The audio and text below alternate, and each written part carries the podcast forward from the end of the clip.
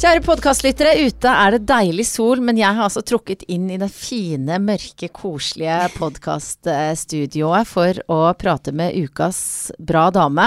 Og eh, ukas gjest er altså den raskeste som noen gang har vært inne i dette studio, uavhengig av hvilken podkast, tror jeg. For at nå, hvis ikke jeg regna feil, så hun har, altså, har norsk rekord og har syv eh, NM-titler i 100 meter hekk, også en haug med internasjonale medaljer. Ja. og det er veldig mange som nå Å ja, det er hun, ja!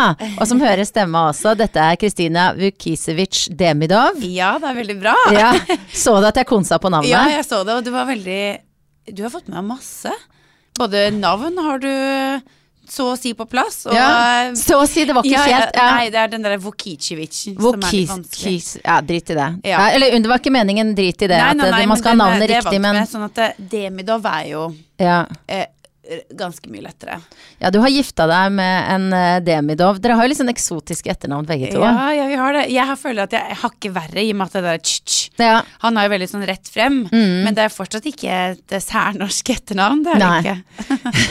Så jeg måtte jo velge noe som i tillegg var litt vanskelig der òg. Det gir deg særpreg, Kristina. Ja, det er bra. Og det er veldig kjekt å ha deg her i Bra damer-studio. Veldig hyggelig å være her. Når jeg har sett på de gjestene du har hatt før, så er det jo ja, en eh, Hva skal jeg si En eh, Ja, jeg føler meg bæret. Ja, men det er bra. Ja. men, og det er jo det, Jeg inviterer ikke hvem som helst her.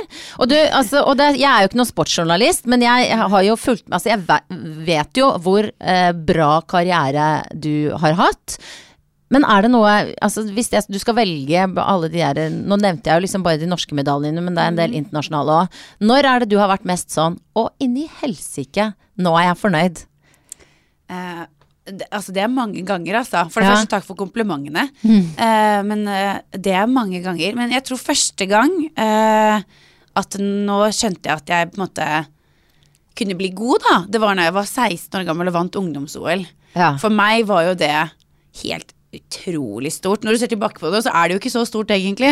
Men når du er der da og da som en 16-åring, så var det helt amazing.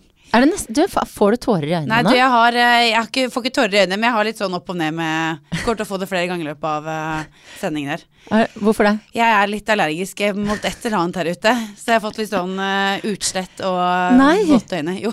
Og jeg bare Jeg Yes, gråter vi, er aldri, altså. tå, vi er på tårer på første Nei, nei, setning, nei, det, tenkte jeg. det er bare lyset og ja. Ja, Nei, ja. du ser det kommer til å fortsette. Ja, ja. Men det er jo greit det med tårer uansett hvilken grunn. Men, eh, men det der med at Så selvrørt er jeg ikke, tror jeg. egen innsats Men du sier at ungdoms-OL ikke er så svært, men det er jo ganske, Ja, ganske altså stort. Mm. for ungdommen så er det jo kjempestort, og når du er oppi det når du er 16-17 år gammel, så er det jo veldig stort, og du tror at eh, verden kretser rundt deg akkurat da. Mm. Eh, men så vokser du opp i det, og så ser du at det gjør det ikke. Men du sitter jo fortsatt med følelsen at det var veldig gøy, og Ja. veldig stort. Og at alle så det. Ja. Men, og- men, og det, da må, må du jo ha trent en stund. På et eller annet tidspunkt før det så må du jo oppdage at du var veldig god til å løpe fort over hekk. Ja, jeg har jo trent veldig lenge før det. Eh, det skal sies. Altså, jeg eh, hadde jo en ungdomsskoletid der hvor jeg var den som trente på friidrettsbanen rett ved ungdomsklubben vi hadde. Og jeg var ikke med på den ungdomsklubben så ofte, og jeg var den som løp rundt og rundt på banen mens de andre koste seg på fest. Hva tenker du om det nå? Nei, jeg er veldig fornøyd med valget jeg tok, jeg. Jeg eh, hadde gjort det igjen og igjen og igjen. Det, det var den veien jeg måtte gå. Du, det krever mye av deg når du skal bli god på noe. Jeg tror ikke det bare er idrett, men uh, idrett starter du med veldig tidlig. Det er jo på en måte det som er forskjellen. Og da som barn må du jo ta de valgene eh, som eh, du kanskje gjør senere når du blir voksen. Men husker du det som gøy hele tida? Ja, fordi jeg følte at det ble veldig akseptert, faktisk, i forhold til mine jevnaldrende, da. Det var sånn alltid sånn at Kristine kan ikke være med, for hun skal på, hun skal på trening eller konkurranse eller noe sånt noe. Og det er jeg veldig glad for, for jeg tror ikke alle har en like lett vei som, som det var jeg hadde. Det, alle gjestene som eh, jeg har på besøk her i studio, så sneiver vi stort sett innom sånn ungdomstida. Sant? Mm. For det er det mye som skjer da, og mange husker kanskje liksom Å, jeg hadde Ja. dårlig selvtillit, eller at jeg ikke skjønte det. Så tenker jeg sånn, det å ha vært fra ganske tidlig av liksom dritgod til å løpe fort, Ja. eh, har det gjort deg sterkere på noen måte, tror du, gjennom eh, ungdommen? Ja, sikkert, for det ble jo noe jeg identifiserte meg veldig med, da. For jeg gikk jo rundt i treningstøy og på en måte var hun som løp fort, og hver gang vi hadde Tine-stafetten og sånne ting, så var det sånn Du må jo være med, du må jo være med. Uh, men uh, jeg tror også det har noe med oppveksten min å gjøre også, fordi jeg har fått høre hjemmefra hele tiden at det er lov å være god i noe. Du har lov til å si at du er flink, eller faren min sa hele tiden hver dag ja, du, du kan bli best. Og da tror du jo på det. Mm. Og det er kanskje veldig unorsk, da, men jeg har vokst opp med en veldig altså, selvtillit, og jeg vet hva jeg er flink til, og jeg vet hva jeg ikke er flink til. Men du tror det er, for pappaen din er fra Serbia og har vært Ja. treneren din gjennom nesten hele karrieren. Ja, sorry, bare, ja. Nå, nå gråter hun igjen. og pappaen din, da. Og pappaen òg. Nei, men, altså, og det at han har eh, både idrettsbakgrunn og eh, ikke opprinnelig er fra Norge, de to tingene, Mm. tror du Hvor viktig tror du det har vært for at du har blitt den du er? Veldig. Veldig viktig. Nå er faktisk begge foreldrene mine Altså moren min er halvt Halvt, ja, ja, ja, så du har enda og, mer? Ja, enda mer, ja. Eh, sånn at jeg har vokst opp veldig sånn serbisk, da. Eh, på godt og vondt. Mm. Eh, og når det gjelder det der med selvtilliten, det å tro på seg selv, det å på en måte ikke bry seg så mye om hva andre mener, gå din egen vei, da har jeg egentlig gjort fra jeg var ja, så lenge jeg kan huske, fra jeg var to-tre år gammel. Brydde meg ikke om hva strømmen gjorde, på en måte. Jeg gikk min vei, og samme med russetiden også. Jeg var jo en av de som ikke var russ uh, når jeg gikk på videregående. Og det valget gikk også helt fint. Det var uh, Ja. Jeg uh, har lyst til at mine barn også skal ha det sånn når de, når de vokser opp. Ja, og mine barn, Q til blikket ned på din store mage. For Kristina er altså Vi spiller inn dette her eh, nå i første uka i juni, men og Ja. nå er det sånn like før du kan få Altså vannet går ikke nå, men kanskje ganske snart. Det kan gå hva skal jeg si, fra neste uke på fredag 17. Fra da kan det skje når som helst. Nå har jo jeg har ikke gjort det her før, da. Nei. Så jeg aner jo ikke på en måte hva som skjer eller når det skjer, men Du merker mest det. sannsynlig så tror jeg jeg kommer til å merke det. Hva slags forventninger har du til, eh, til det å bli mamma? Åh, eh, til det å bli mamma eller fødselen? Ja, mamma først, så har vi fødsel etterpå. Til det å bli mamma eh, eh, Nei, jeg har aldri vært den som har lekt med dokker. Eller sett for, for seg at jeg skal ha en sånn stor familie, eller eh, aldri liksom hatt lyst på barn. Selv om jeg vet at jeg en gang i fremtiden kommer til å få det. Så jeg har på en måte alltid drømt om det. Jeg har ikke vært den fødte mor, da. Eh, I mine hender, i hvert fall. Eh, for mange jenter føler veldig på sånn her Å, jeg gleder meg til å få barn, jeg skal ha barn inn da og da. Og kjenner veldig på at det river i eggstokkene når du nærmer deg 30. Men jeg har aldri vært sånn. Eh, men nå så plutselig sitter jeg her da og skal få en baby om ja, kanskje innen en måned, liksom. Og det er veldig surrealistisk. Å kjenne sånne små fingre som krafser rundt i magen din. Det er jo veldig rart. Og det er jo utrolig stort. Og det var jo sånn når det Når vi fant ut at vi skulle bli foreldre, så var jo det bare ja, noe av det største vi på en måte har sett frem til, da. Hva var det som skjedde? Hvordan fant du ut Eller altså, jeg vet jo, skjønner hvordan du fant det ut, men ja. husker, Det er jo stort sett på samme måten, men, men eh, husker du den dagen? Hvordan det var? Ja, eh, det som er, jeg kjenner kroppen min veldig godt. Jeg er jo idrettsutøver. Sånn at eh, jeg fant ut at noe ikke var som det, helt som det skulle på trening. Jeg var ikke like god form. Og jeg skulle gjøre en intervalltrening som jeg klarer uansett, om jeg har feber, eller om jeg har migrener, om jeg er syk, eller hva som helst. Men den dagen klarte jeg det ikke. Pulsen min var eh, skyhøy, og jeg bare klarte ikke å gjennomføre den treningen. Og da skjønte jeg nå er det et eller annet som ikke, som ikke stemmer her. Og da tok jeg en graviditetstest, da. Eh, Og den var positiv. Og hvordan fortalte du det til mannen din? Ja, jeg skalv jo. Jeg var jo helt skjelven. eh, Og så måtte jeg jo bare si at eh, ja, er du klar for å bli pappa? Og det var han jo. Så da- Var det sånn, ringt, var han der? Eller han var var du- der. Ja, nettopp. Ja. Han var der. Han var, så han visste ikke at jeg tok en test, da. Men jeg kom ut og sa bare at ja, om, vi må forberede oss, for om ja, åtte måneder så blir vi foreldre. Og det er jo en lykkens dag, da. Det er jo det. Ja. Det var jo alle mulige følelser selvfølgelig med en gang, men med en gang etterpå, etter et par timer, så er det jo sånn du begynner å ja, se frem til det, da. Har du kjøpt masse ting? Så jeg har kjøpt alt. Er kluter og sånn? Ja, vi er jo begge to uh, veldig sånn strukturerte, da, så alt var jo klart fra det på en måte var sikkert, da. Ja, hva, hva, er det du har liksom, Hvordan ser det ut inne på barnerommet nå, eller den kroken hvor Eh, vi har faktisk ikke noe barnerom ennå, i og med at vi leier et hus i Bergen. Ja, eh, så vi kan på en måte ikke gjøre så veldig mye der. Men eh, alt utstyret har vi i hvert fall. Ja. Eh, og vogner og stoler og ja. Alt er på plass. Mm. Hvordan mamma tror du du blir da? Eh, jeg tror jeg blir en snill mamma, men samtidig streng. Ja, Jeg har lyst til å ha kustus. Ja for at eh, du sa i stad at den der oppveksten din eh, var liksom ser veldig serbisk på Ja. godt og vondt. Ja. Hva, hva er det vonde? For jeg ser på meg, det, det er liksom mer disiplin der, er det Det ikke er det? veldig, veldig disiplin. Og det er ekstremt, at de er ekstremt opptatt av høflighet, at du skal være høflig med mennesker du møter, gjerne eldre. eh, og får du Altså, har du gjort noe galt, så får du høre det ganske kjapt. Ja. Og det er, eh, de har ikke noe problem med å kjefte på deg i offentligheten når det er ganske mange mennesker rundt, da. Og det husker jeg da jeg var liten, er litt flaut. Eh, men, men jeg har ikke noe varig men fra det, da.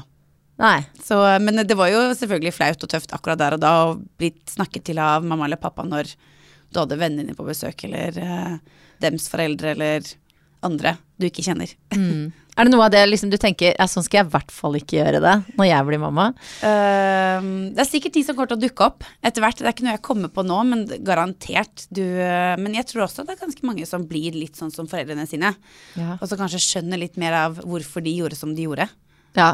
Tror jeg. Ja, jeg, ja, sier Ja. jeg. Jeg har jo to barn, og Ja. jeg merker jo at jeg er sånn som mamma. Og det er på en måte en veldig fin ting, da. Jeg ser veldig opp til henne. Men jeg husker liksom de gangene hun kjefta på meg, så tror jeg jeg kjefter litt på samme måte på mine barn. Jeg er Ja, men like det utålmodig. blir jo sånn, det er jo hva du er vant med, og du er jo sikkert fornøyd med din egen oppdragelse også. Ja du er jo veldig høflig, da, så Ja, ja. Men jeg vet ikke sier helt om jeg har den serbiske høfligheten. tror du ikke? Nei, jeg vet ikke. Men vi snakker jo sånn de og dem, da, til, eh, til eh, Oi, det er så mye, ja. Ja, men det ligger veldig i språket. Ja, nettopp. Eh, og det gjør de i russisken også, i forhold til eh, Vadim. Da. Så vi er veldig vant med å snakke til andre fremmede mennesker, i hvert fall de som er eldre enn deg, i de og dem-form, da. Ja, nettopp. Og det, det, og det gjør man jo ikke til kongen her engang. Det er jo helt sprøtt. Dere er de sære, høflige folka som har Ja, funnet gjør hverandre. ikke, men vi gjør ikke det på norsk, da, men jeg er veldig vant med det. At vi sier liksom dem til, mm. til eh, ja, de som er eldre enn deg, rett og slett. Hvordan var det dere ble kjærester, egentlig? Du og Vadim, mannen din, som da er kaptein på Ja. Brann. ja. Norges beste fotballag. Ja, jeg er sånn medgangssupporter. Jeg heier på Ja, dem. Jeg er engasjert når det går bra. Så du var ikke så veldig supporter i fjor? Nei, og det er vondt å si det, men jeg må bare fortelle til lytterne, for det tenkte jeg på sånn etterpå, at eh, jeg er veldig fan av Kristina, det skjønner dere siden jeg inviterte henne hit, og så har vi fulgt hverandre litt på sosiale medier og sånn, og så møtte jeg mannen hennes og resten av Brann på Flesland Ja, skråstrek. Gardermoen. Ja, ja, ja. Og da var de i en litt sånn røff periode og var på vei til å spille bortekamp. Og jeg gikk rett bort til han sånn Hei, jeg må bare hilse på deg, sa jeg til Vadim Deminov. Du må hilse til kona di og si at jeg digger henne. kjempekoselig. Og så kom jeg på etterpå Shit, de skal spille kamp i dag! Jeg sa ikke et lite sånn Og forresten, jeg heier på deg Jeg syns det bare er bra, jeg. Jeg ble kjempeglad når han kom hjem. Han sa bare forresten, jeg skulle hilse fra Guri Solberg. Jeg bare jo, takk. Kjempekoselig. Og så måtte jeg sende melding at jeg hadde fått eh, hilsningen. Ja, på- så han ble ikke fornærma? Han ble ikke fornærma. Sånn jeg syns jo det bare er greit. Ja, når han gifter seg med en bra dame, så må han tåle det. Men, men hvordan var det dere ble kjærester? Veldig fort. Det gikk ekstremt kjapt. Det var én date, og så var vi sammen. Hvordan, opp, hvordan ble dere kobla? Hvor var dere traff hverandre? Vi traff hverandre på visning. Eh, Jeg hadde leilighet i Dalsbergstien, og så så han på leiligheten rett over. Og da mm, ble det bare sånn. Vi visste jo hvem hverandre var, i forhold til han da spilte litt på landslaget. Jeg var eh, litt mer aktiv i friidretten. Og eh, jeg tror vi fulgte hverandre på sosiale medier da også. eh, og fant ut at vi bare ville møtes en dag, og så begynte vi å snakke mye sammen på telefon i og med at han bodde i utlandet. Og så kom han til Norge, og vi ble sammen. Det gikk veldig raskt. Det må ha vært en superklaff, da. Ja, det var det. Det føler vi begge to at det var. Nå sitter jeg, nå er det ikke noe vei tilbake, da. Nei. Nå er jeg på en måte ring på fingeren og barn i magen, så ja, nå er, det er spikeren i kista, tror jeg. Men du, eh, nå har vi jo snakka litt om det at dere kanskje har en litt sånn lik bakgrunn, da. Med, er, er det hviterussisk han har eh, og an- Mhm. Altså, han er jo aner? egentlig fra Sovjet, da. Ja, Men han er jo russisk. Ja. Foreldrene hans er jo russiske. Ja. Eh, så han er jo født i Riga, når, det, altså når Latvia var i Sovjetunionen. Men så flyttet de til Norge når han var tre år, til Sandefjord. Og så han på en måte er jo samme som meg, da. ja, Norsk, men med eh, utenlandsk, utenlandsk bakgrunn. ja. Men med, utover det at den historien er litt grann felles hos dere, hva er det som gjør dere til et bra kjærestepar? Vi har veldig like verdier, og veldig uh, lik tankegang om ting. Både, altså, en ting er det gjelder barneoppdragelse, men sånn meninger om uh, det meste har vi veldig likt. Og vi har vokst opp på en veldig lik måte i forhold til eh, vi kjenner hverandre igjen i mange morsomme situasjoner når det gjelder sånn stereotyp eh, østeuropeisk, da. Ja. uh, og eh, vi kan le veldig mye av det. Uh, og jeg tror at det gjør at vi passer veldig godt sammen. Hva er det som er Det er et stort spørsmål, da, men hva, hva er det som er viktig i dine verdier, siden du sier at det har dere felles? Nei, altså det der med å være seg selv, være stolt av den du er uansett, og ta vare på det du kommer fra. Jeg, jeg, jeg syns at det er i hvert fall veldig viktig å bringe videre, da. Uh, og jeg merker det på han også i forhold til det med barneoppdragelse, for det er jo et veldig aktuelt tema hos oss eh, akkurat nå. Eh, og liksom ha med seg alt det var fine som på en måte finnes i både Russland og i Serbia, selv om du er privilegert og blir født i Norge. Det, det, det er i hvert fall det jeg har tatt med meg fra min, min bakgrunn, da, og det merker jeg på han også.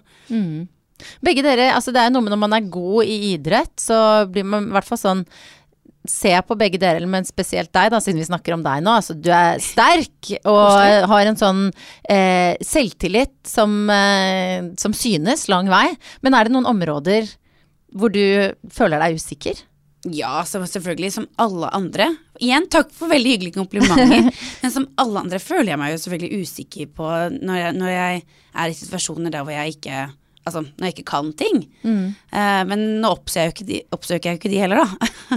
så jeg har jo en veldig sånn Jeg tror det er sånn bra selvtillit at jeg uh, Ja, jeg tror på meg selv, og jeg vet hva jeg er god for, og hva jeg ikke er god for, og det er ikke, jeg er ikke noe flau for å innrømme det, da.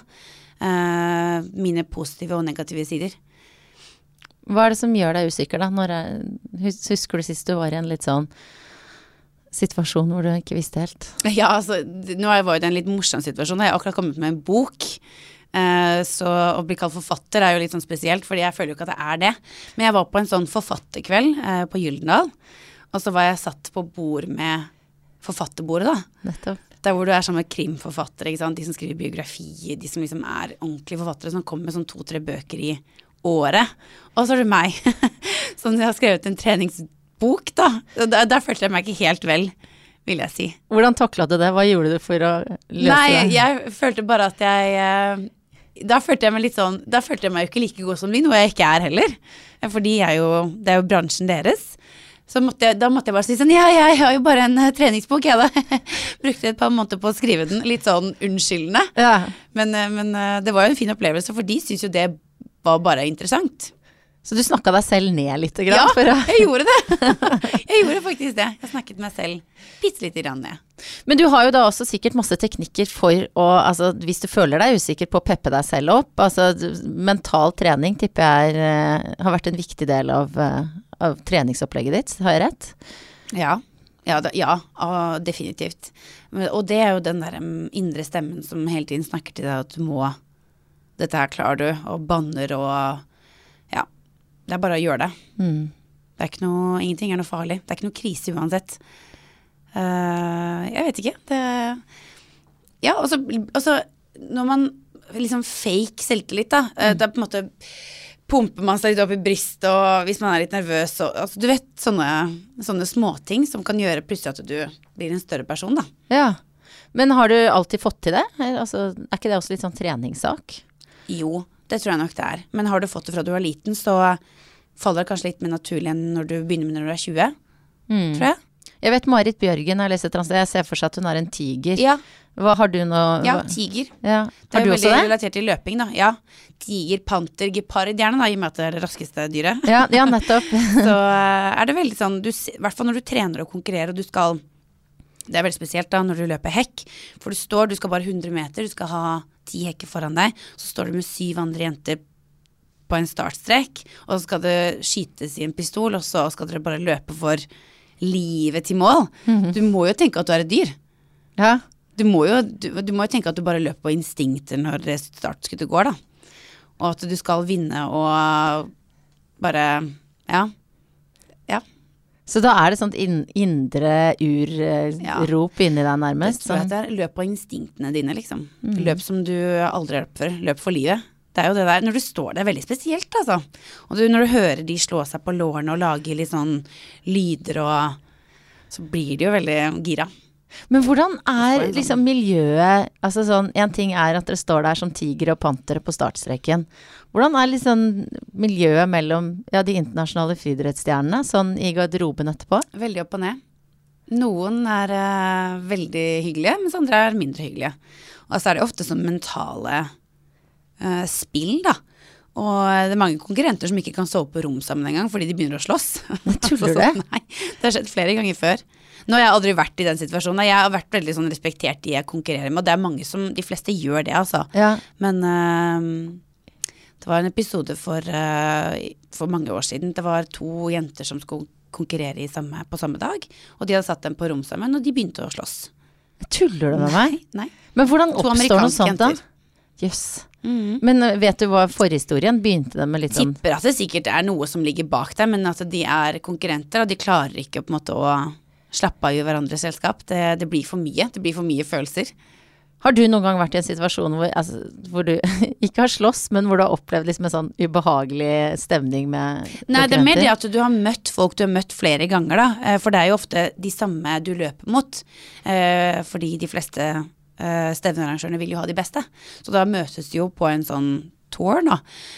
Og da er det sånn at folk ikke snakker med deg selv om de har sett deg 100 ganger før. Og ikke si hei engang når dere skal konkurrere. Og hvis Ja. du vinner over dem, så gidder de ikke å gratulere når du er ferdig med løpet. Men det er ikke noe verre enn det. Men samtidig, det er jo folkeskikk, da. Ja, og det er jo du opptatt av, har jeg skjønt. Ja. ja, men jeg tenker sånn det er greit å, uansett hvordan det har gått, å på en måte være en større og si jeg gratulerer eller bra jobba eller bra løpt eller ses neste helg. Lykke til. Det er ikke så veldig vanskelig. Men kan du kjøre litt sånn der Ice Queen-stil du også, eller? Sånn for å markere deg overfor konkurrenter? Nei, egentlig ikke. Uh, nei, det har jeg aldri Nei, altså det er jo bare gøy. Det skal jo ikke være blodalvor hele tiden. Det er, ja, akkurat når skuddet går, så skal du jo gjøre alt for å vinne, men både før og etter så er det jo Så skal man jo være venner, tenker jeg. Mm. Du, det er jo en annen ting med altså både, altså Jeg har hørt masse historier fra TV-bransjen om at det er så mye dop der. Sant? mm. at uh, kokain. I florerer. sånn. eller i TV-bransjen? Nei, nå først Ja. i TV-bransjen, men det har jeg ja, ja. aldri Jeg har aldri sett det selv. Nei. Og du er jo i en bransje hvor uh, det også det- gjentatte ganger uh, snakkes om doping, og nå i det siste har det også vært en del avsløringer. Ja. Hva har du sett med egne øyne av de, de greiene der? Jeg har aldri sett altså, noen tabletter eller sprøyter eller aldri sett noe sånt noe. Så åpenlig Jeg tror ikke de er så dumme. Nei, nei. det tror jeg ikke. Men uh, du har jo sett uh, Altså, altså man, innad i miljøet så snakker man jo ofte om hvem som ser mistenksom ut og ikke. Og da kan du jo ofte se, særlig på jenter når du var spinkel og tynn ene året, og så kommer du med skjeggvekst det andre året, så er det jo spesielt. Og det legges jo merke til. Eh, så sånn sett så har de jo sett det. Men ikke den derre med egne øyne at de setter noe i uh, blodåra, liksom. Nei. Og hvor nært har du hatt det på deg, deg da? Altså sånn type sånn eh, tilbudt eller Nei, jeg har blitt fratatt medaljer da, fordi at eh, jeg har hatt konkurrenter som har vunnet over meg, som har vært dopingtatt i etterkant. Mm. Og da har jeg fått sølv, og så har hun fått gull, da, og så har hun stått på toppen av pallen, mens jeg har stått på sølvplass, og så har jeg egentlig Ja, skulle jeg vært først, da. Ja. Skjønner du? ja ja. Hva tenker du om det? Kjempebittert. Ja. Da har jo hun tatt fra meg det øyeblikket med å stå og synge både nasjonalsang og få gullmedalje, da. Og det er jo det er ikke bare jeg som opplevde det, det er mange norske utøvere som har opplevd det samme. Og det er jo dødskjipt. I hvert fall nå etterkant så kjenner du fy søren, altså. Det er folk som får medaljer tilsendt i posten og OL-medaljer og sånn, og det er ikke så kult, da. Hæ? Nei, gud a meg. Det er, Det er eh, juksemakeri. Mm. Og i hvert fall eh, en sånn liksom snarvei til toppen. Men du har, Ja. hvor, hvor frista har du vært av det? Eller har du noen gang liksom Nei, herregud. snevet deg den tanken? Nei, fordi man har jo Altså, når man vokser opp i Norge, da, så er det jo det så Altså, det er sånn nulltoleranse for det, da, innen idretten. Det er, det er sånn nesten at du syns det er fælt å ta ordet i munnen, det ordet doping, Ja. bare. Uh, og det er jo den kulturen man vokser opp med. Eh, og så når du trener på Olympiatoppen, det er så avstand til det, da. Men jeg tror ikke det er det i andre land som kanskje har en litt annen kultur fra idretten fra 80-tallet og 90-tallet, hvor det var mye mer åpenlyst. Um, sånn at um, du blir mer sint, da. Du blir mer sånn derre skuffa over at idretten er på vei den veien, da. Jeg tenker jo jeg tenker jo, Det må jo være for folk som for eksempel som deg som ser på, som mister litt sånn troen på det. Ja, Altså, man får jo litt sånn Hvis det bare er juks, Ja. ja, så er det jo innmari kjedelig å se på når du ikke vet Ja. eh, hva de har putta i seg. ja, det er det jeg tenker. Det mister jo troverdigheten, og det er kjipt for alle. Mm. Men hvor mye er det altså Nå konkurrerer jo ikke du nå, men eh, hvor mye må du tisse på glass? Altså hvor heftig er den dopingkontrollen? Og ja, det varierer veldig fra land til land. Eh, I Norge så har vi jo veldig strengt system, sammen med Sverige og Finland og Danmark, og de fleste landene har jo det sånn. Eh, med WADA, som er internasjonale antidopingforbundet. Og da må du hver dag, tre måneder frem i tid, oppgi en time hver bidige dag hvor du er. Så fra 1. januar til eh, 1. april så er du nødt til å loggføre fram til da hvor du er en time per dag, hvor de kan nå deg og teste deg. Yes. Det meste jeg har blitt testet på en uke, er jo fire ganger. Seks om morgenen hjemme hos meg. Da banker de på og sier 'kan du tisse her'? Ja. Ja. Hvordan føles det? Nei, altså jeg blir nesten glad når de kommer, jeg. Det er sånn ok, hei, hei, det er de som regel de samme kontrollørene. det var så Det er koselig. litt kjipt for dem om morgenen, liksom. Men, eh, men eh, ofte så er det de fleste utøverne setter opp seks om morgenen, for det er en garantitid. Du vet at du som regel er hjemme fra seks til sju. Ja. Men fra syv til åtte eller åtte til ni så kan du jo på en måte ha gått ut av huset. Ja. Og da får du jo misset test hvis de kommer eh, da, og du har oppgitt den tiden. Så må du gjerne tisse på morgenen da. Ja, så det går som regel veldig fort. Og så må du ta blodprøve for å ta blodprofil. Ja. Du, du har vi har snakka litt om familien din, og ja. at du har, har en serbisk oppvekst. Og så har pappaen din vært treneren din. Ja. Han har vært det nesten hele tida. Ja, han har det egentlig. Eh, det var eh, fra jeg var Ja, altså, nå har jo han aldri presset meg til å drive med noe som helst idrett. Jeg har på en måte funnet min egen vei selv. Eh, vi har vært for en veldig sporty familie, sånn at jeg har jo prøvd masse. Og da siden jeg bestemte meg når jeg var 15 år gammel til å virkelig satse på friidrett sånn profesjonelt, så var jo det det naturlige valget at han skulle bli treneren min, da. Men når jeg var liten, så trente jeg jo med andre trenere. Som jeg tror også var lurt. Men var det et naturlig valg? Var det, eller Ja. var det noen alternativ? Eh, ja, det var et naturlig valg, fordi han, han eh, var og er veldig flink. Eh, det er bare at når jeg vokste litt opp, så tror jeg at man trengte litt den derre avstanden som kom et år, og Ja. jeg tror det er helt naturlig. Og da var det jo veldig, veldig mye sånn eh, spekulasjoner rundt sånn eh, Ja. Hva har skjedd, og det var noe han var omtalt i en, i en dopingrelatert sammenheng, var det derfor hun har ditcha faren sin? Ja, ja, ja. Og, altså det var mye Så det er på en måte jeg merker jo sånn Å, jeg har litt lyst til å grave i det, men så blir jeg også sånn Var det bare Nei, oppblåst, altså- eller hva tenker du? Eh, det var jo to egentlig separate saker. Eh, mitt forhold til da til faren min, faren min og trener, far-datter, trener-utøver. Det var Ja, sånn det var. Ja. Og de rollene til slutt gikk inn i hverandre. Det var ikke noe skille på det da. Og eh, som trener og utøver så er det ofte treneren som bestemmer. Men når eh, far og datter møtes, og datteren er 24-25 år gammel, så, så kan man ikke bestemme over den personen. Og, og det følte jeg veldig på. Uh, og jeg måtte nok bryte opp isen litt der. Men vi fant tilbake til hverandre igjen, men da på et veldig profesjonelt forhold på trening, og far og datter utenom. Det er utrolig bra å få til det, da. Altså hvordan Måtte dere gjennom en sånn Ja, vond det er klart det er tøft, ja. Måtte dere gjennom en sånn vond periode hvor dere ikke snakka og sånn? Nei, det måtte vi aldri. Men uh, selvfølgelig, jeg tror det også for han også, fordi han merka jo ikke det. At det gikk over til å bli så blandet, da. Eh, og jeg merket egentlig heller ikke før jeg en dag skjønte at ok, men det her tar jo litt overhånd. Nå er det for mye. Og jeg tror også han kjente på det etter hvert, også han også, at ja, det var virkelig lurt at vi gjorde det sånn hvis vi skulle beholde far-datter-forholdet som skal vare livet ut, og ikke trener-utøver-forhold som bare er i noen år til, uansett. Så jeg tror at det var viktig for han også, og jeg tror at jeg banet vei for broren min også.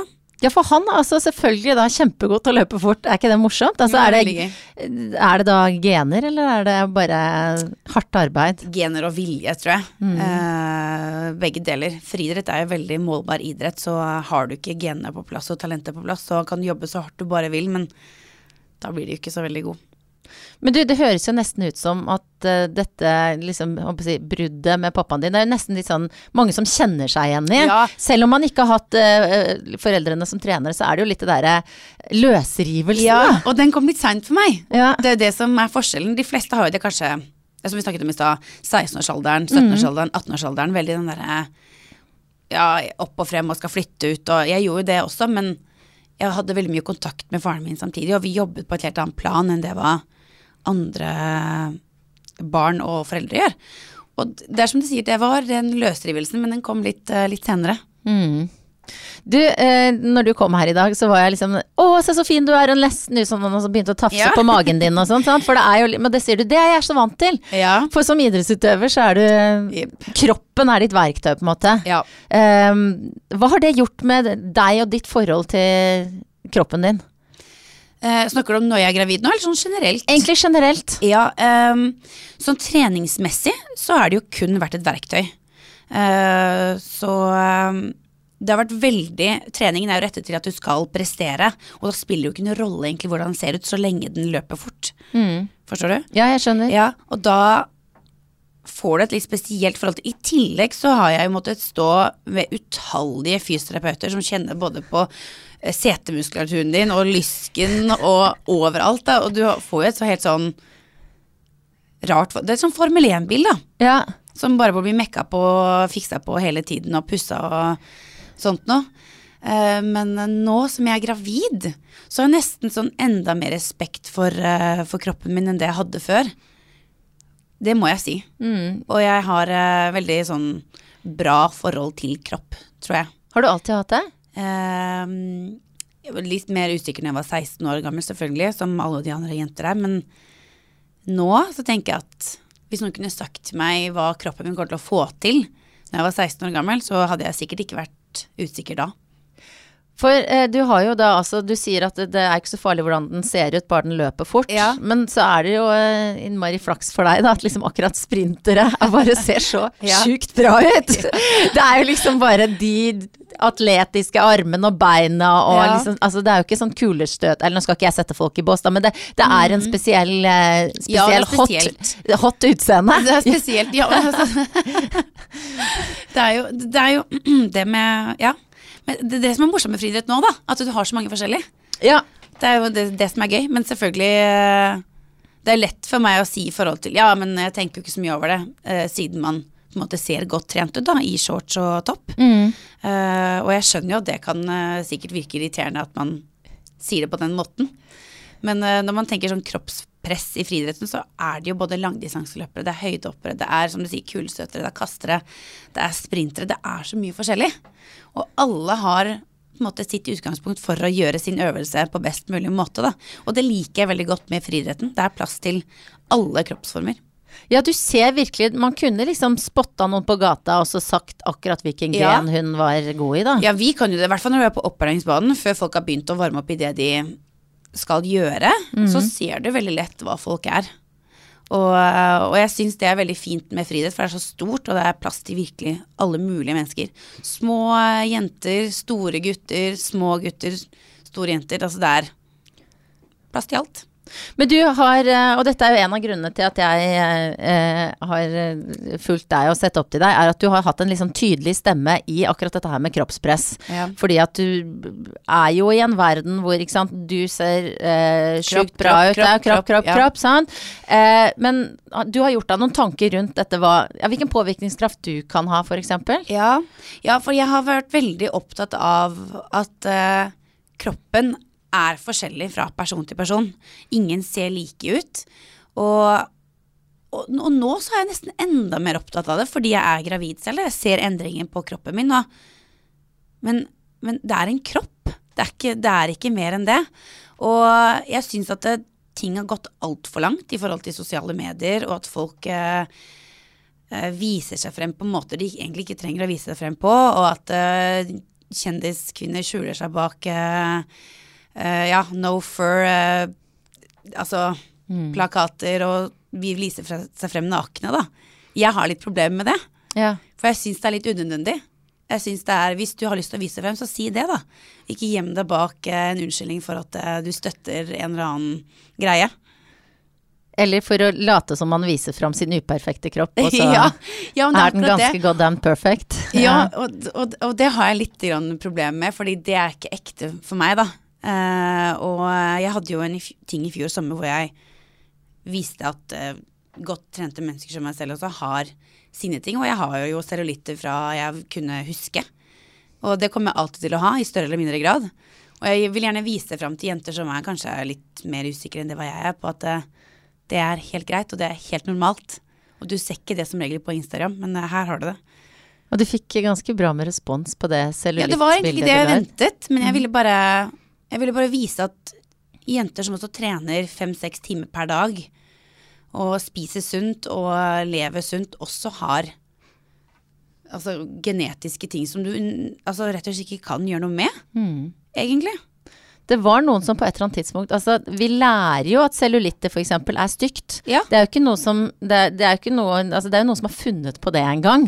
Så jeg syns jo bare den lista over ting som er feil, Ja. blir stadig lengre. Og så minner de oss på Har du også eh, grevinneheng Ja, eller er- cellulitter? Det er så mange ting som Å ja, shit, det kan jeg heller ikke ha. Og Nei. det kan jeg ikke ha, det kan jeg ikke ha. Det må jo være forferdelig å ha sånne tanker òg, da. Ja. Altså, tenk deg absolutt alt hva som finnes. Liksom. Det er strekkmerker, det er åreknuter, det er rynker, det er uh, hår, det er negler, og det er uh, huden, og det er fett, og det er muskler, og det er bare veldig slitsomt. Det er mye å forholde seg til. Men du sier at uh, mange Eller du sa noe veldig fint som jeg Altså, det er mange som legger mer følelser i det enn Det er jo bare en kropp, sier du. Ja. Men eh, mange, og jeg har vært blant de, legger jo liksom så mye prestasjon i liksom Dette må jeg få til, eller sånn må jeg se ut. Mm. Ja. Hvorfor, er, hvorfor er det sånn, tror du? Ja, det er jo Jeg tror det alltid har vært et kroppspress. Jeg husker jo selv, selv om det ikke var Instagram eller eh, Twitter eller Facebook eller noe sånt når jeg gikk på ungdomsskolen, så var det jo sånn at man tenkte over hvordan man så ut. Eh, så det er vel en usikkerhet man har uansett, tenker jeg, fordi man har et ideal, da. Og, og det går man ut ifra, og det er jo Og det er jo veldig synd. Jeg tror, jeg, tror det har mye med det å gjøre at du vokser opp med et ideal Mm. og, um, som er usunt, da. Og jeg snakker ikke bare for jenter, men det er for gutter også. Ja. Det har spredd seg, spredd seg i alle retninger. Ja, altså jeg tror egentlig alltid har vært sånn. Vi har bare fokusert mye mer på kroppspresset for jenter. Men eh, selvfølgelig er det det for gutter også. Og det er jo utrolig kjipt. Men du, jeg, på vei hit så så jeg deg på forsiden av um, Var det ShapeUp eller Kamillepuls? Eller Camille hvert Camille Puls, Kamillepuls ja, nå. Veldig kult bilde på gravid, forsiden. faktisk. Mhm. Ja. Og vi har jo sett deg i mange sånne oppslag før, men her var du eh, i fullt firsprang med gravid mage. Ja. Eh, du har ganske bra form nå, eller? Altså, Vet du hva, jeg har vært veldig heldig. ja. Jeg har vært veldig, Derfor er jeg ekstra takknemlig for kroppen jeg har. Og hva den har fått til, ikke minst sånn fysisk sett da, eh, på friidrettsbanen. Og nå også at den klarer å behandle kroppen min altså, så bra mens jeg er gravid. Da. Jeg, jeg syns det er en fantastisk ting. Jeg bryr meg ikke om jeg har mer eh, kilo nå enn jeg noen gang har hatt. Det, jeg skal bære fram et liv, og det Jeg har jo fått eh, et ekstra fettlag, men det gjør meg da ingenting. Eh, det, det følger jeg også på sosiale medier, at du er fortsatt Altså trener ganske mye og Ja. heftig. Ja. Det, har du trent i dag? Eh, I dag har jeg ikke trent. Eh, I dag tenkte jeg å ta meg fri. Ja, nettopp. Jeg gjorde det. Eh, altså nå når det nærmer seg fødsel, så kjenner jeg veldig sånn på. I dag syns jeg at jeg kan ta en dag fri. Ja. Og så når lysten er der igjen, så trener jeg. Jeg er veldig sånn lystbetont. Jeg syns ikke det skal være noe press. Særlig når du er gravid. Det er litt av sjarmen med det. Ja, at, du å, at du ikke trenger å presse deg selv. Og, og når vi snakker om sosiale medier, jeg er også veldig viktig på å ikke legge ut lettkledde bilder. Mm. Veldig strengt på det der. Hvorfor? Fordi at jeg syns det er unødvendig. Mm. Hva er vitsen? Uh, og det er klikkhoreri. Det er jo det der. Ja. Blir du, hva tenker du når du ser andre som gjør det? Fint for dem. Jeg vil ikke, jeg vil ikke være en del av det.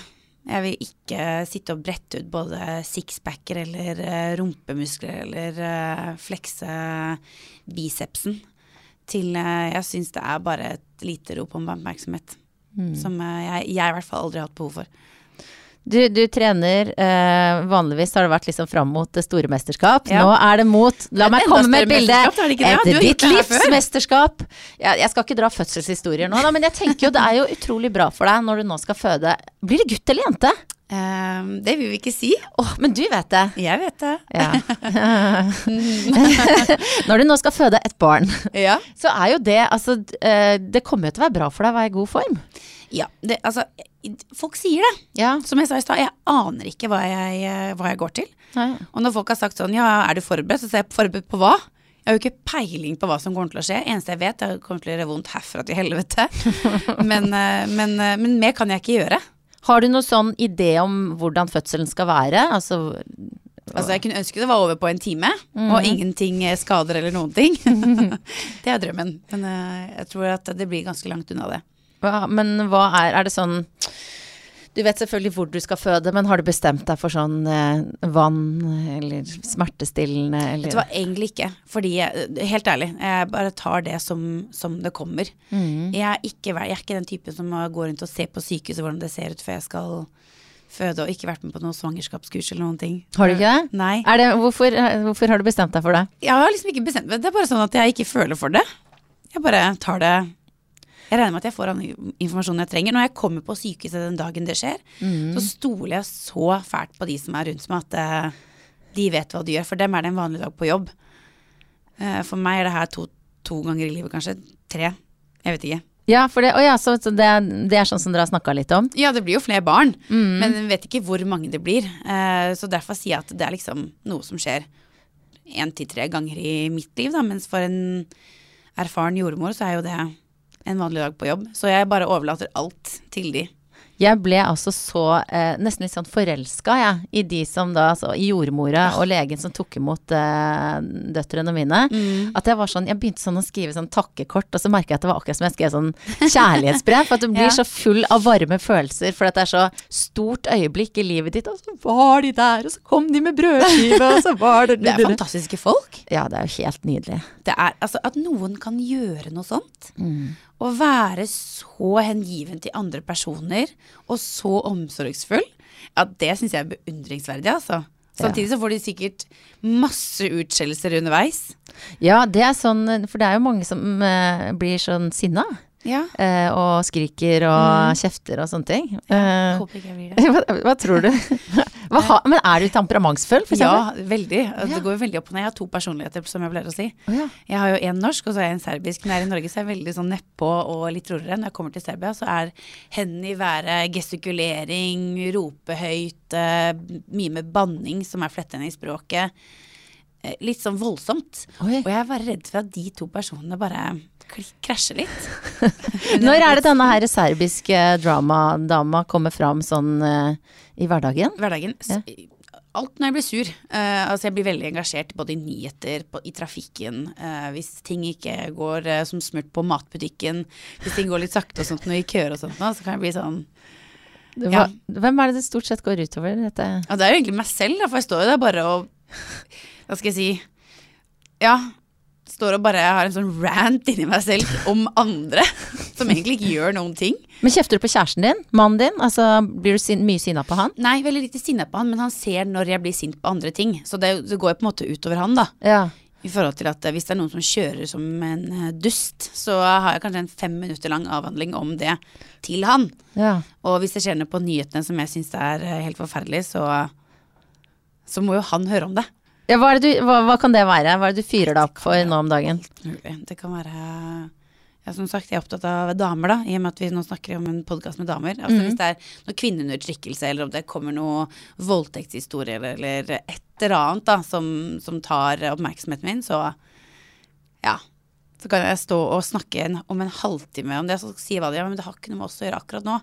Må du bli så sint? Men for han, hvordan er han da? Er han en temperamentsfull fyr? Nei, mye mer roligere enn meg. Mye mer rolig. Det er ofte sånn at disse Ja. mennene våre er liksom litt roligere. Ja, ja, jeg tror det. Jeg tror de fleste jenter er Herregud, jeg føler at jeg har noe i nesa hele tiden. Det er bare, nei, det går Nei, eh, ja.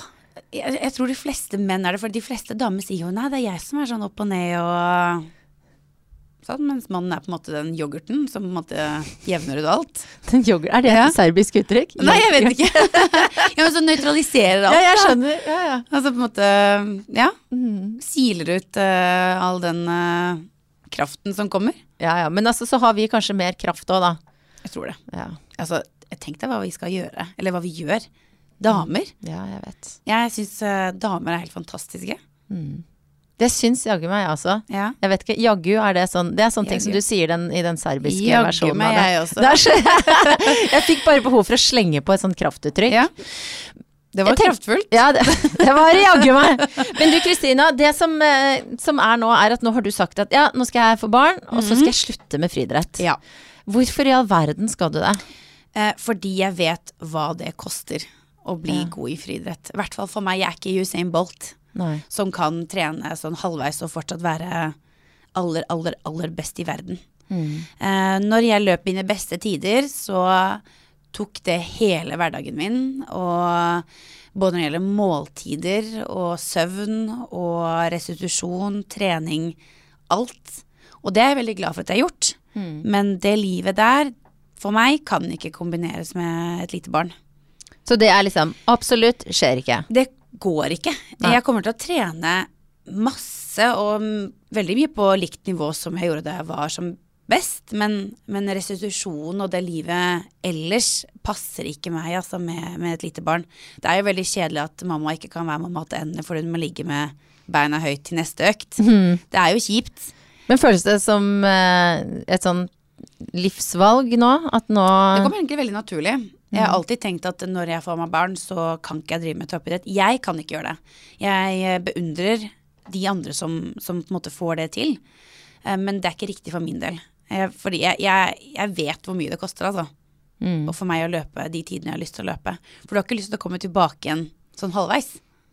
Det der er hun. Jeg husker hun var god for fem år siden. Ja, Ja. Og nå løper hun sånn Passe. Har blitt mamma løper sånn halvveis bra. Mm. Det har jeg ikke lyst til. Hvis jeg skulle komme tilbake, så ville jeg være best. Ja, for der kommer den perfeksjonisten i deg. Ja, Ja. Men, ja, men altså, hadde ikke du tenkt det selv? Altså, sånn, I forhold til sånn, de jobbene du har gjort, og hvis det var noe som virkelig krevde så altfor mye av deg, da, du har jo ikke lyst til å gjøre den jobben halvveis. Nei, og jeg, og jeg er nok Jeg skjønner veldig godt hva du mener, Ja. men så tenker jeg at det, man kunne kanskje brukt den samme driven til sagt nå skal jeg jaggu Nei, nå sier jeg det igjen. Yeah. Jaggu. Jeg er blitt det nye. Ja. Nå skal jeg vise dem Ja. at jeg fikser det. Ja. Men du er altså litt sånn veldig realistisk. Da bare Det kommer ikke til å gå. ja. Da gidder jeg ikke. Nei, det kommer ikke til å gå. Og jeg har heller ikke lyst til at det skal gå utover tiden med mitt eget barn. Nå holdt du på å si min egen datter. Nei, nei, nei, nei. Har god kontroll. Eller jeg vet ikke, plutselig så sprekker jeg i løpet av sendingen. Det er bare å holde, holde meg i gang. Ja, ja, det er nå, at nå Jeg gir meg ikke. Men eh, hva skal du gjøre da? Eh, altså selvfølgelig, du kommer til å være busy med å være mor. Mm. Ja. Men eh, hva, hvilken eh, yrkeskarriere eh, har du foran deg nå, ser du for deg? Jeg slipper ikke idretten. Det gjør jeg ikke. eh, I og med at det er det som har vært min utdannelse fra jeg var liten jente. Eh, sånn at det blir jo et eller annet i idrettsverden, både med mine egne treninger og at jeg trener andre. Jeg har nå kommet med den treningsboken. Det blir jo den treningsbloggen, selv om jeg hater ordet blogg. Ja, det er, blitt, det er litt sånn belasta. Grusomt eh, ord. Men du må, bare, eh, du må bare gripe det på nytt. Ja. Du må bare si blogg med stolthet. Blogg. Ja, der, ja. Med store bokstaver. uh, ja, og, og den tingen der, så jeg kommer til å fortsette i, i det sporet. Mm. Det bare er ikke livet som toppidrettsutøver lenger. Nei. Hva kan du Hva er det viktigste du kan bidra med? Se for deg hvis du nå Og det gjør du vel også allerede. Trener unge eh, talenter, kanskje spesielt jenter. Hva er, det du, hva er det du vil gi til dem?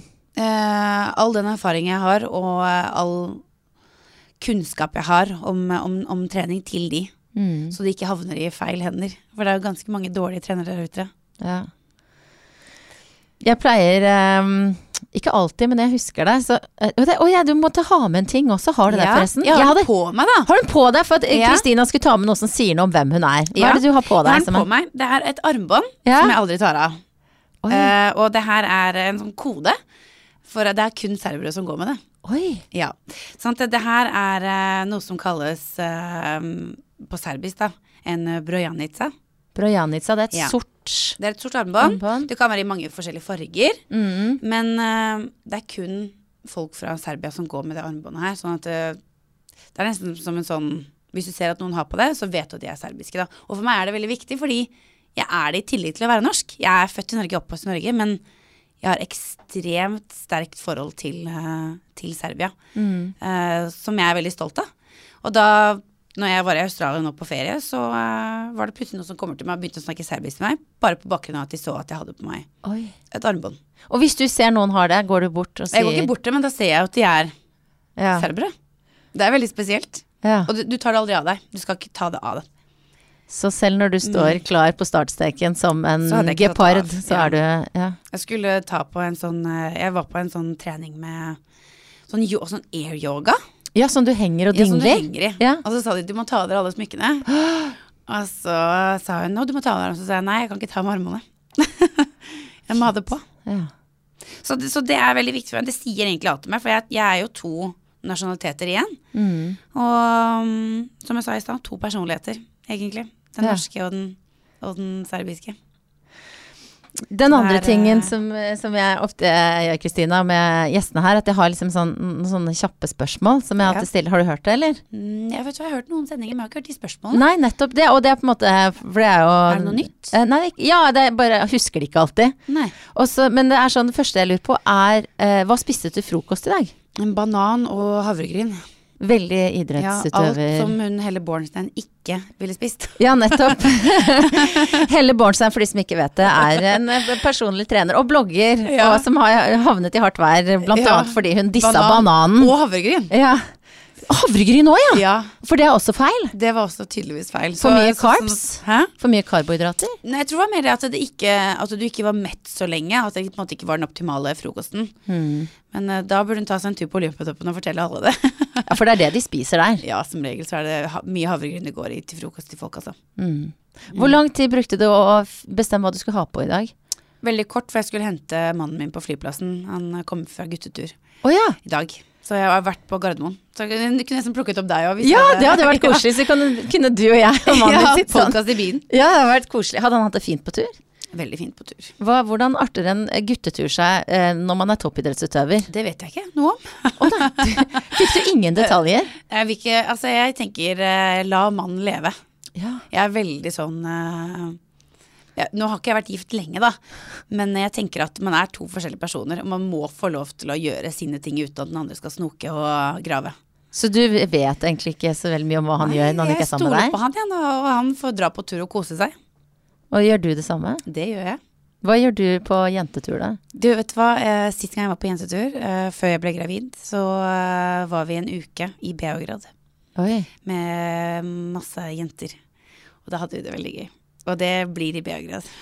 Men er det sånn, fester du? Ja. Altså ikke nå, åpenbart, Nei, nå gjør, nei, nei, nå gjør jeg jo ikke det. Men uh, ja, det er klart du gjør det. Uh, men uh, når du driver med individuell idrett, så går det jo kun utover deg selv, da. Ja. Så når du er midt i sesong, så er du jo ganske forsiktig med det. Men med en gang du er ferdig, så er det noen måneder hvor du får virkelig rast fra det, og så er du i gang med oppbyggingen igjen, da. ja. Mm. Det blir et nytt liv nå, da. For nå har du jo ikke de periodene. Nei, nå kan du, eh, kan du feste hele tida, du. Ja, Nå er det bare hver dag. Jeg hørte Bare- Sofie Elise feste hver dag, så jeg får gjøre det jeg òg. Ja, det er sant. Du som er, du som er blogger, du også. Du, siste spørsmålet er eh, når hadde du sex sist? Nei, gud! Ja, jeg vet. det var derfor jeg lurte på om du hadde hvis du hører det, det forblir hos meg, ass. Hva syns du om et sånt spørsmål, egentlig? Jeg syns, vet du hva? Jeg syns det er så rart, fordi jeg Altså, nå er det ikke bare med den podkasten her, altså. Det er bare morsomt at du spør. Men jeg syns uh, For meg Jeg kunne aldri tenkt meg, eller og svart på spørsmål, altså som de sånn tre personer du skal velge som du på en måte skal ha det med, i tillegg som du skal oh, ja, drepe sånn shoot, eller- shag and marry-opplegg? Ja, Ja, altså, da, da hadde jeg bare reist meg på godt. Ja. Fordi det er mannen min, på en måte. ja, nettopp. Ikke sant? Ja. Eh, Det skjønner jeg. Og jeg vet Jeg syns ikke det er rart. Jo, og, og det er derfor jeg tar litt sats hver gang jeg skal stille det. For dette er liksom reaksjonen vanligvis, og så kan man ha noe morsom prat rundt det. Så er det noen som svarer på det. Ja. Og av og til så spør de meg tilbake når jeg hadde det sist, og da Ja, føler jeg da må jeg i hvert fall svare. Ja, I hvert fall når de har svart. Ja, og når da mannen min har skjønt at jeg har dette spørsmålet sånn rimelig fast i podkasten, så blir jo han veldig flau. For han Mm. Ja, syns jo det er altfor personlig. Ja. Så eh, nei, så jeg går i, jeg går i meg selv her. Eh, Ja. Og derfor jeg lurte hva du syns. Nei, nei, men ta den opp til vurdering. Sånn sett, så er det faktisk, sånn sett er jeg Vadim veldig like, da. For jeg Ja. liker på sånn, akkurat sånn, sånne prinsipper, da. Helt er vi- private. Helt private. Og Så- er det, og så er det, vi, det er oss, på en måte. Mm. Ikke spør om andre. altså sånn. Men du, shoot, shag and marry på slutten her nå, ja. Nei, men vi kan ikke ta shoot, shag and marry. Vi kan jo avslutte med å si hva- Skal du få Er det gutt eller jente? Rosa klær eller blå? Det er uh, en farge. En farge. Mm. Du, lykke til. Det, det jeg kan si Jeg skal gi Jo, jeg skal gi deg ett råd. Gi meg tips. Jeg tar det til meg. Mitt beste råd som tobarnsmor er mm. at du må ikke høre på for mange råd. For du kommer til okay. å få så mange tips Ja. om fødselen, Mm. om ammingen, Ja. om alt. Så altså, Norge er fullt av besserwissere. Ja, Og de kan få deg til, apropos selvtillit, kan få deg til å føle deg drit. For hvis du googler eh, 'hvordan gjør jeg det', eller sånn og sånn, så kan man plutselig føle seg som verdens verste mor. Meg. Så bare Hold velg noen. forum. Ja, hør på mammaen din og en venninne eller noe sånt. Ja. Steng ut alle de andre. ja. Ja, det er mitt aller beste råd. skal jeg sende melding til deg da, når det begynner å nærme seg? Ja, det må du gjerne Ja. gjøre. og så, eh, um, så var det en venninne som sa til meg om denne tida før du får ditt første barn. Mm. Denne kommer aldri tilbake. Nei. For at du skal gjerne føde igjen, men da har du andre unger. Så nyt den, og unn deg absolutt alt. Og det er ikke så lenge igjen, nå blir jeg stressa. Ikke bli stressa for Nei, jeg tenker sånn, Det er bare en måned der jeg ikke har noen andre i livet mitt, på en måte, bortsett fra mannen min, da, som er Mm. voksen, voksen menneske. Men det blir jo helt Altså, nå er det sånn, du har så spennende tid foran deg. Ja. For hver dag våkner du, så kan det være i dag. Ja. Kan du tenke deg noe så magisk? Gud, nå fikk jeg gåsehud i når du Ja. sa det. Så, og så må du unne deg alt. Jeg, det siste jeg gjorde før jeg fødte mitt første barn, var at jeg la meg Nå tenkte jeg nå orker jeg ikke mer, nå er jeg sliten. Nå legger jeg meg i senga og spiser boller og drikker sjokolademelk. Åh, Gud. Sånn. Ja, det skal jeg gjøre.